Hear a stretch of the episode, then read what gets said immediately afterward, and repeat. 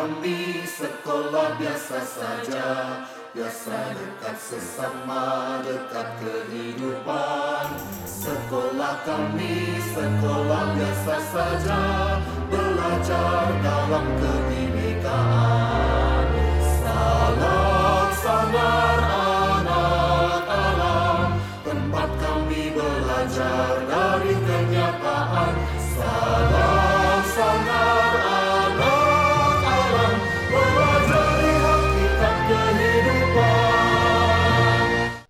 pagi eh, para pendengar. Ini adalah siaran perdana podcast kami Sanggar Anak Alam dan hari ini kita akan berbincang dengan Pak Ketua PKBM-nya, Mas Yudis. Mas Yudis, eh, sekarang ini kan banyak orang-orang yang sekarang mulai mulai ngerti sebenarnya bahwa pendidikan nasional kita atau sekolah pada umumnya ini kok eh, seperti ada yang kurang pas gitu kurikulum terus berganti kemudian juga eh, apa namanya cara belajar kebijakan itu sudah berganti kayak gitu. Kemudian apa sih yang dilakukan sama salam ini sehingga akhirnya banyak orang yang tertarik sama salam? Kayak gitu. Apa sih mas? Sederhana ya mas ya. Eh, salam itu mencoba menciptakan ruang belajar untuk semua. Baik anaknya orang tua maupun eh, guru atau fasilitator yang terlibat di salam nah ketika orang itu menikmati proses belajar sesuai dengan kebutuhannya masing-masing maka itu dengan sendirinya akan menarik orang untuk bergabung Oh, Oke. Nah, menarik tadi. Di- Kenapa didengarkan kata-kata fasilitator bukan guru di sini? Nah, karena di salam itu sebenarnya yang yang belajar itu semuanya. Anaknya itu belajar. Dia menjadi guru bagi dirinya. Dia belajar untuk menemukan pengetahuannya sendiri dari sebuah pengalaman. Nah eh, guru atau kalau di luar sana disebut guru Ah, Nah, di sini dia berperan menjadi fasilitator saja. Dia menemani, menuntun supaya si anak ini bisa melakukan sendiri. Artinya prosesnya itu ya terjadi pada diri anak sendiri. Gitu. oh gitu. Berarti eh, anak-anak itu dapat pengetahuannya bukan dari terangan guru gitu ya kayak biasa dulu kalau kita SD ya. Iya, kalau dulu kan uh, guru sudah membawa ini ya materi ya, Ah, ya, entah ah. dari mana itu, Hmm, atau bisa dikatakan dari orang lain sumbernya. Sementara anak-anak itu menemukan pengetahuan itu sumbernya dari yang dia dapat gitu. Oh, Dia ngolah sendiri. oh dia ngolah sendiri. Nah, jadi pengetahuan itu kalau di dalam sebuah daur berpikir atau daur belajar itu kan eh, ada pada kesimpulan setelah dia mengolah atau merefleksikan suatu pengalaman yang dialami. Nah, proses ini dilakukan sendiri. Sementara kalau yang dulu yang pernah saya alami itu kan eh, pengetahuan itu sudah kesimpulan-kesimpulan itu sudah ada gitu Oke. kita tinggal diberikan aja nih tak kasih nih Oh, berarti kalau bedanya guru sama fasilitator itu kalau guru kayak sudah cuma nyampein kesimpulan-kesimpulan kayak gitu ya. iya Sedangkan kalau fasilitator ya anak itu diajak untuk menemukan kesimpulannya gitu. Iya. Caranya berarti pertama anak-anak itu diajak untuk apa, Mas? satu dia setiap anak kan pasti punya pengalaman ya nah bagaimana dia mengungkap pengalamannya itu menceritakan itu? Nah dari apa yang diungkap ini sesungguhnya ada data-data yang bisa diolah. Ya, dikaitkan dengan pemahaman-pemahaman tertentu nantinya. Misalkan anak itu gimana cara anak itu menemukan pengetahuan secara real dalam Eh, hal sederhana Sederhana, misalnya ya. itu kita lihat ada satu anak yang dia mengamati pertumbuhan tanaman gitu. Dia mengamati jumlah daun yang tumbuh setiap waktunya gitu nah dari yang dia cermati itu sebenarnya dia sedang mengumpulkan atau mengkolek data angka atau hitungan kan Ah. Oh, sekarang daunnya tumbuh satu. Hari berikutnya tumbuh lagi satu, berarti satu ditambah satu sama dengan dua gitu. Oh. Dari yang kedua, hari berikutnya tumbuh lagi dua, berarti kalau kemarin dua tambah lagi dua berarti empat gitu. Ini bukannya agak sama dengan tematik kurikulum 2013 ya? eh, lain ya kalau kurikulum 2013 itu kan dia mencoba untuk mengolah tema baru kemudian dipecah-pecah gitu. Sementara ini kita basisnya dari eh, apa yang dialami. Jadi sebenarnya dari situ baru kita bisa mengkaitkan dengan berbagai dimensi pengetahuan. Oh, Kalau ngomong jejaring pengetahuannya bisa bisa sama sih, cuman eh, berangkatnya. konteksnya titik berangkatnya ini kan anak yang dia memilih memilih sendiri Oh, dia mau belajar dari apa sumbernya dari mana itu anak yang menentukan sendiri bukan dari buku paketnya itu Iya. udah ada gitu ya. Hmm. Kalau kurikulum 13 itu kan memang udah dipaketin. Oh, IPA itu nanti kita belajar ini, ini, ini, ini. Jadi nah ini benar-benar dari anak dia yang menentukan mulai dari gagasannya sampai kemudian membuat rencananya kemudian melakukannya sampai kemudian me- mengevaluasi, merefleksi, menyimpulkan sendiri, berbagi kesenangannya. Itu anak-anak yang melakukan. berarti anak-anak itu kayak merdeka buat ini ya, menentukan apa yang ingin dia pelajari kayak gitu. Iya. Hmm. Oh, Anak-anak punya kemerdekaan untuk menentukan sendiri.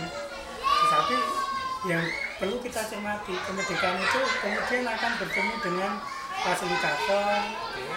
orang tua, ada masing-masing punya kepentingan, punya urusan kaitannya dengan waktu, kemudian jarak, kebutuhan dan lain-lain. Nah, nanti ada yang namanya musyawarah mufakat, artinya gagasannya anak tidak selalu itu bisa dilakukan pada saat itu gitu. Loh, berarti juga anak-anak kadang nggak merdeka juga mas? Atau gimana itu? Uh, bukan tidak merdeka, tetapi uh, dia punya gagasan, kemudian dimusyawarahkan. Oke, Jadi ada orang tua dan fasilitator ini memberi pertimbangan-pertimbangan. Hmm, Artinya uh, pilihan itu nantinya pilihan yang merdeka karena sudah disepakati bareng ya. Pak. Oh, Oke, termasuk dia merdeka untuk memulai memunculkan pertama kali itu ya. Iya. Nah, berarti lawan biasanya ini, berarti tapi dia merdeka untuk menentukan risetnya itu, kemudian mus- memusyawarahkannya. Hmm. Tapi misalkan kemudian uh, anak risetnya itu ternyata bukan sesuatu yang diinginkan anak, itu mungkin nggak? Ternyata kok hasil musyawarah itu ngasih konklusi kalau misalkan pengennya anak, misalkan pengennya anak itu pengen belajar tentang robotik misalkan, tapi tidak bisa terfasilitasi, akhirnya gimana orang tua orang tuanya sedangkan orang tuanya pengen dia jadi arsitek terus dia belajar gambar kayak gitu gimana mendamaikan Ya. kayak gini-gini selalu Nah, ada ini kan ada, ada fasilitator nih. Dia Ah. bisa menjadi balancing untuk uh, sampai sebenarnya pada keputusannya anak. Tetap misalnya gagasan pertama ini susah nih dilakukan untuk saat ini. Hmm. Ambil contoh seorang anak pernah berpikir untuk meriset ikan hiu gitu. oke Oke, apakah ikan hiu itu bisa diamati tiap hari? Nah, pertanyaan ini sebenarnya yang mengajak anak untuk berpikir gagasan yang lain gitu. oh iya, iya. Oke, berarti gagasan yang sekarang kita simpan dulu. Suatu saat kalau kamu bisa melakukan sendiri, kita bisa lakukan itu. Karena ini juga tidak tidak dibuang, tetapi hanya disimpan aja. oh berarti apa yang dipikirkan sama anak itu nggak lantas kita nafikan gitu ya Enggak, ini nggak bisa nggak bisa gitu kayak gitu ya enggak, tetapi di, diberi pertimbangan-pertimbangan. Mungkin enggak uh, kita akan melihatnya di mana, kapan, jam berapa, kemudian untuk sampai ke sana harus melewati apa. Hmm, Nah, pertimbangan-pertimbangan itu yang nanti akan membawa pada keputusan anak sendiri. oh oke oke oke. Nah, kalau misalnya itu ternyata belum bisa dilakukan, anak diberi kesempatan lagi untuk gagasan berikutnya. Oke, punya gagasan apa lagi gitu. oh berarti benar-benar fasilitator tuh kayak cuma ngasih pertanyaan-pertanyaan buat memicu dia ya Iya. jadi kayak menurutku kayak bener-bener eh, nggak nyodori kesimpulan tapi cuma malah bikin anak itu bertanya-tanya Iya. Nah, berarti tugas pasar itu bikin orang gelisah ya, tugas paling ya seperti itulah. tapi saya kira itu menarik ya karena eh, salah satu sekolah yang saya tahu sekolah mungkin sekolah alternatif juga ya. Dikatakan alternatif karena dalam pandangan saya mungkin dia tidak mengikuti arus pemerintah gitu ya, arus arus mainstream gitu makanya dikatakan dikatakan alternatif. Itu adalah titiknya adalah pada kebebasan anak itu. Nah saya kadang juga masih ber, eh, ini ya bingung. Eh, anak merdeka untuk menentukan risetnya belajar apa. Nah di tempat yang lain itu anak bebas untuk belajar apa saja Ya, ke- ketika ngomong bebas dan merdeka itu ada hal yang yang lain ya. Merdeka itu dia punya keterikatan dengan uh, lingkungan di sekitarnya. Hmm. Uh, merdeka dari, merdeka untuk, uh, ya kan, untuk melakukan sesuatu, kemudian dia, uh, artinya sebenarnya dia nggak bisa berdiri sendiri. Oh Nah, kalau merdeka dia kayak sama orang harus juga disupport sama sistem lingkungan gitu-gitu atau Iya, gimana? seperti bangsa yang merdeka itu kan nggak bisa ngomong sendiri kan, oh bangsaku merdeka, mesti diakui oleh bangsa yang lain kan gitu. Oh iya, kalau bangsa yang bebas itu dia dia sendiri, sendiri aja bisa ya. Ada ada pengakuan kan. Oh, ada gitu. pengakuan. Ah, Makanya dulu ada diplomat kita ke Arab ke mana-mana gitu Iya. buat nyari Nah, kalau nggak diakui ya tidak akan disebut merdeka juga itu bangsa gitu. Nah, nah uh, sama halnya orang ketika ngomong merdeka dalam berproses itu kan pasti akan ada unsur orang lain gitu. Nah, masing-masing punya kepentingan. Kepentingan ini bagaimana bisa terwujudkan tanpa mengganggu kepentingan yang lain kan gitu. Merdeka kan itu. Hmm, Maka kalau biasa di Wantoro kan ngomong tertib damai gitu, mesti ada unsur itu gitu. Tertib dan damai. Iya. Maksudnya kenapa? Ini Tertib. karena uh, ada dua orang ini mesti dia punya kepentingan yang berbeda. Tetapi masing-masing mesti dilakukan gitu. Maka ada uh, komunikasi, ada musyawarah sampai satu titik mufakat gitu. Artinya ada hal yang tentunya bisa diterima yang lain, bisa diterima yang lain gitu. Nah, nah di situlah kemudian orang menjaga itu gitu. Kan masing-masing damai gitu. Dilakukan dengan tertib karena sudah disepakati. Oh, ada ada unsur orang lain dalam peng- pengambilan keputusan kita gitu Iya. ya. Jadi tapi Jadi juga bukan semau maunya ya. Nah, nah, nah ini yang kadang perlu di nggak tahu ya orang-orang beranggapan ketika misalkan ngerti sekolah alam, sekolah yang bebas kayak gitu, selalu beranggapan bahwa ya ini semaunya dong, gitu kan. Kayak akhirnya nggak punya filter moral dong, kayak gitu. Semua boleh gitu kan. kita mesti meletakkan ini ya mas apa uh, manusia atau anak itu uh, pada kemanusiaan yang dia tidak berdiri sendiri hanya sebagai individu tetapi dia selalu hidup dalam konteks sosial gitu jadi dia sebagai individu dan juga sebagai makhluk sosial gitu. Oh. Nah selalu begitu kan ditempatkannya. Jadi ketika ngomong merdeka itu mesti mempertimbangkan yang lain juga gitu. Soalnya gini, kebebasan itu kan sebenarnya konsep impor dari barat ya. Yang artinya itu kan menonjolkan sisi-sisi individual orang untuk mengekspor apa yang uh, menjadi hak dia untuk berbicara atau bersikap kayak gitu. Dan itu kan kayak kadang-kadang sinkron nggak sinkron sama kebudayaan timur kita, di mana kita punya kebudayaan uh, ketemu orang lain, kemudian ramah tamah dengan orang lain kayak gitu. Jadi aku nggak ngerti konsep kemerdekaan yang salam punya itu sebenarnya konsep yang memang diimpor dari gagasan-gagasan barat itu atau uh, mungkin hasil refleksi atau nemu di mana kayak gitu Eh, yang jelas itu satu itu bagian dari refleksi salam sendiri ya. Nah, kemudian juga ketika ngomong refleksi berarti kan ada unsur-unsur pengalaman hidup yang dialami oleh para pendiri salam, kemudian juga teman-teman yang eh, terlibat setelahnya gitu. Artinya, eh, kemudian juga dikuatkan dengan apa yang sudah direfleksikan oleh misalnya Ki Haji Dewantoro, kemudian para founding father Indonesia, kemudian Romo dan seterusnya. Artinya ini menjadi kekuatan refleksi bersama sebenarnya. oh, Nah, salam itu kan enggak enggak, enggak membuat sesuatu yang baru. oh ya Kita itu eh, bisa dikatakan ingin mengembalikan pendidikan pada esensinya gitu. Oh. Nah, Nah, artinya apa? Artinya ini sudah disuarakan jauh-jauh hari jauh-jauh sebelum salam itu ada gitu.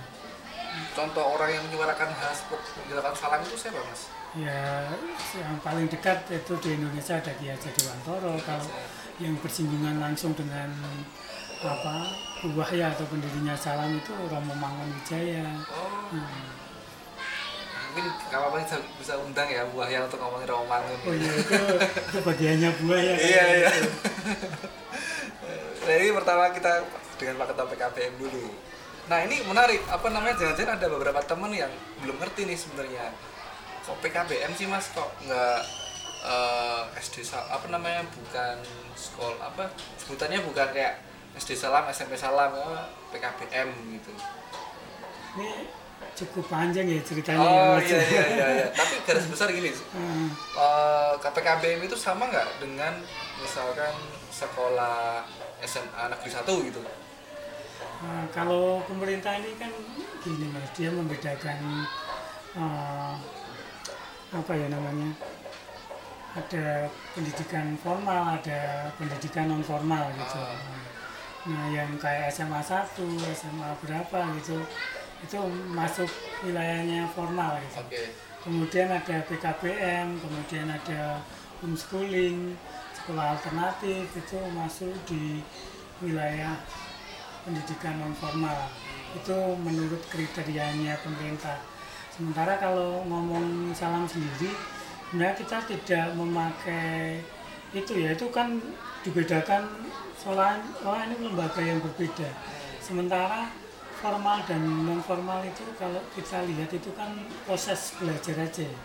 Jadi ketika sudah berwujud lembaga seperti salam ini, ini sudah masuk ke wilayah formal ya benar. oh gitu ya Nah, karena direncanakan, kemudian dikelola, diorganisir sedemikian rupa itu menurut saya itu sudah formal ya. sangat formal Nah, sebenarnya Nah, tetapi kalau ngomong proses belajar itu kan selain direncanakan, tetapi ada hal yang ditemukan di dalam pengalaman. Nah, itu wilayah non formal gitu. Nah, mestinya ketika ngomong proses belajar itu pasti ada semua unsur itu. Formalnya ada, non formalnya ada, informalnya ada gitu. Oh, Nah, itu itu secara para cara, cara pandang pembelajar ya tapi Iya. kalau cara pandang pemerintah beda itu lagi seolah-olah itu menjadi kota-kota yang Iya, jelas iya. berbeda gitu. Nah dan kenapa akhirnya salah milih jalur yang berbeda dengan SMA pada umumnya atau masalah kompromi atau masalah apa Enggak, sebenarnya pemerintah juga belum bisa apa memahami sepenuhnya apa yang dilakukan salam. Pun kalau saya cermati eh, yang namanya PKBM itu tetap eh, arahnya tetap men- mendekati ke formal. Kenapa saya bi- bisa bilang gitu? Sekarang eh, sudah ada yang namanya akreditasi, kemudian eh, standarisasi. Nah ini larinya kan ke sana. Sementara kalau ngomong PKBM ini kan mestinya berangkat dari masyarakat. Nah masyarakat itu punya punya uh, bentukan yang berbeda-beda sesuai konteksnya gitu. Nah ini yang masih jauh gitu. Oh, Oke, nah ini menarik juga kalau nah, kita pertama tadi Mas ngomong tentang bahwa PKB itu berangkat dari masyarakat. Nah, sekarang apakah salam juga berangkat dari masyarakat? Eh, dalam artian tertentu iya Nah, ini ya Pak. Kalau kita perhatikan awal mulanya kan dari gagasan buaya kemudian gagasan itu bagaimana kemudian menjadi masa, milik masyarakat sini dengan cara buaya mengajak ngobrol masyarakat kemudian mencari eh, konteks persoalan yang terjadi di masyarakat kemudian mencari solusi bersama nah itu yang mendorong salam muncul itu kan dari situ Oh, ada masalah di masyarakat itu ya. Iya. Itu direspon oleh salam dengan eh, apa? Responnya bentuk pembelajaran Nah, ini. ya, pembelajaran bersama terhadap peristiwa atau masalah itu Oh, Hmm. Nah terus kemudian ada kebutuhan mencari bentuk. Oh ada pendampingan remaja. Oh ada uh, kalau yang ekonomi kemudian muncul koperasi. Sampai kemudian oh ini nggak efektif. Muncul kemudian oh kita perlu bikin paut sendiri. Ada kelompok bermain. Kelompok bermain kemudian butuh taman anak dan seterusnya. Sampai sekarang ada SMA gitu. Nah ini kan proses dialogis yang nggak pernah berhenti gitu. Ini menarik ini karena biasanya yang saya tahu ya orang bikin SMA atau SMP memang karena mungkin si ownernya ini memang punya keinginan untuk bikin. Dan kalau tadi ceritakan itu kan kayak seakan-akan memang ini orang tua eh, entah siapa ya entah masyarakat entah orang tua itu kayaknya malah punya punya keinginan mau bikin mau bikin gitu. Seakan-akan dorongan untuk bikin itu ini bukan dari ownernya atau atau jangan-jangan saya salah dalam bahasa owner ya Oh, bukan om, akhirnya salam itu menjadi milik bersama ya. nah ini Kalau ngomong om ya, omnya termasuk saya itu juga om. oh iya Oh, iya. Memang kemudian apa ya gagasan awalnya gitu, penggagas gitu. Kalau Oh, mau di, kemudian kalau secara legal ya akan ada kan bahasa iya iya itu bahasa aja pendiri gitu kan gitu. Berarti benar-benar kayak salam itu menjadi milik kolektif bersama dan kembangkan oleh bersama-sama kayak gitu ya Iya. cuma akhirnya gimana arahnya setiap orang kan punya pikiran beda-beda terhadap eh, mungkin visi salam ke depan ya kalau salam itu menjadi sesuatu yang kolektif Hmm.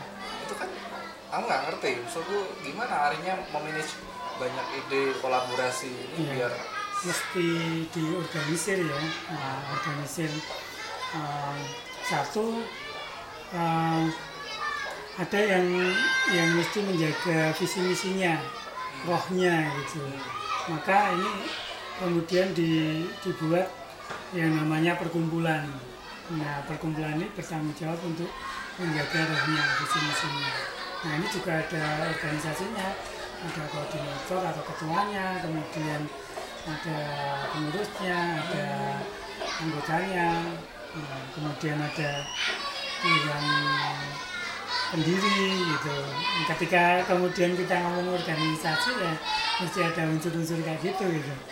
Yang mana satu yang ngontrol satu yang nah kemudian untuk mengaplikasikan ini ada penyelenggaraan apa sekolah yang kemudian sekarang bisa disebut uh, PKBM itu gitu. Ini unsur penyelenggaraannya gitu. Hmm, atau eksekutornya gitu. Eksekutornya gitu ya. Nah ini juga diorganisir yang eksekutor ini. Ada ketuanya, kemudian nanti unit-unit, misalnya kelompok bermain kalau sekolah yang seperti sekolah gitu ya, itu ada kepalanya gitu, kepala SD, kepala TA, kepala SMP gitu, masing-masing juga ada. itu ada guru BK juga mas Nah cuma guru BK ini itu uh, peran di fasilitator. oh Nah, jadi selain karena uh, ada unsur kedekatan untuk membangun relasi ya nah, di situ di kekuatannya di fasilitator. Jadi kalau di Salam itu guru mata pelajaran, guru BK itu jadi satu ya. Guru apa lagi Pak?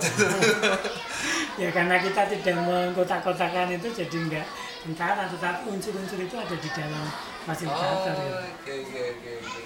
Soalnya kalau pengalaman saya dulu di sekolah formal ya, kan bener-bener kayak ini oh ini guru PKM, oh ini guru BK, oh ini guru BP, oh ini apa lagi gitu. Selalu oh ya semuanya oh ini sih yang tukang nyapu gitu. Apa itu saya sedang saya sedang lihat ya fasenya juga nyapu ada-ada gitu. Jadi seakan-akan ini kayak apa ya? eh, paket lengkap dari ya bener-bener cuma tugasnya dampingin anak gitu ya.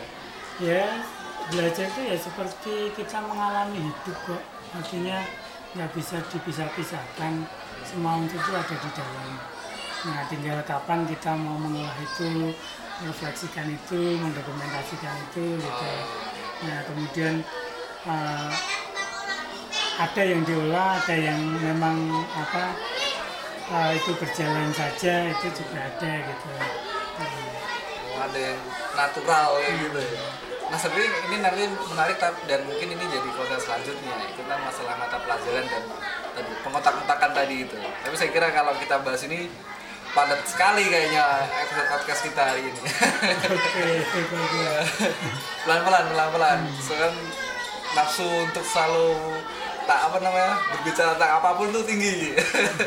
Oke oke. Oke, tapi sebenarnya titik, titik titik pentingnya saya kira adalah masalah kemerdekaan tadi itu. Hmm. Kalau kita balik lagi review apa yang kita pelajari tadi adalah tentang bagaimana membentuk komunitas belajar tadi itu, kemudian tentang bagaimana memberikan kepercayaan yang tinggi pada anak untuk menentukan hidupnya. Itu kan juga menurutku hal yang sangat penting dan krusial dalam eh, hubungan ini ya antara pendidik dan yang dididik. Ya, Saya juga nggak ngerti apakah apakah bahasa saya itu tepat apa enggak ya. Saya kira juga kurang tepat, tapi saya kira kemerdekaan itu benar-benar kayak eh, menjadi hal yang eh, mendasar bagi manusia gitu dan itu kayak benar-benar difasati oleh salam dengan ya itu tadi tidak memasukkan guru tapi tapi seorang fasilitator gitu.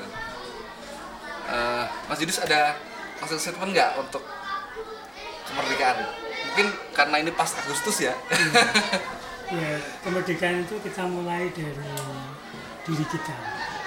Bagaimana kita berpikir, bagaimana kita berlaku, berkomunikasi dengan orang lain. Termasuk ketika menjadi guru, itu ya bagaimana kita melakukan itu terhadap anak-anak kita. oke terima kasih wah senang sekali hari ini kita bisa berdiskusi kan atau diskusi ya diskusi ya. dengan Mas Yudis Eh, semoga ke depan kita bisa undang lagi Mas Yudis karena Mas Yudis sih sepertinya juga eh, orang yang banyak dicari oleh orang ya nanti ke depan kita akan bahas tema-tema lain lagi Eh, mungkin dengan fa- fasilitator-fasilitator yang lain Eh, jadi kita bisa perkaya pandangan kita juga dengan tema-tema yang akan kita angkat berdasarkan apa yang kita alami di sini. Nah, jadi ini kayak jadi ruang sharing bersama eh, kami dengan teman-teman pendengar kayak gitu. Dan teman-teman kalau ada pertanyaan eh, silahkan klik link di bawah ini. Ada sosmed kami eh, ada Instagram ada Facebook ada website. Eh, kami selalu update konten di sana dan teman-teman bisa kasih feedback.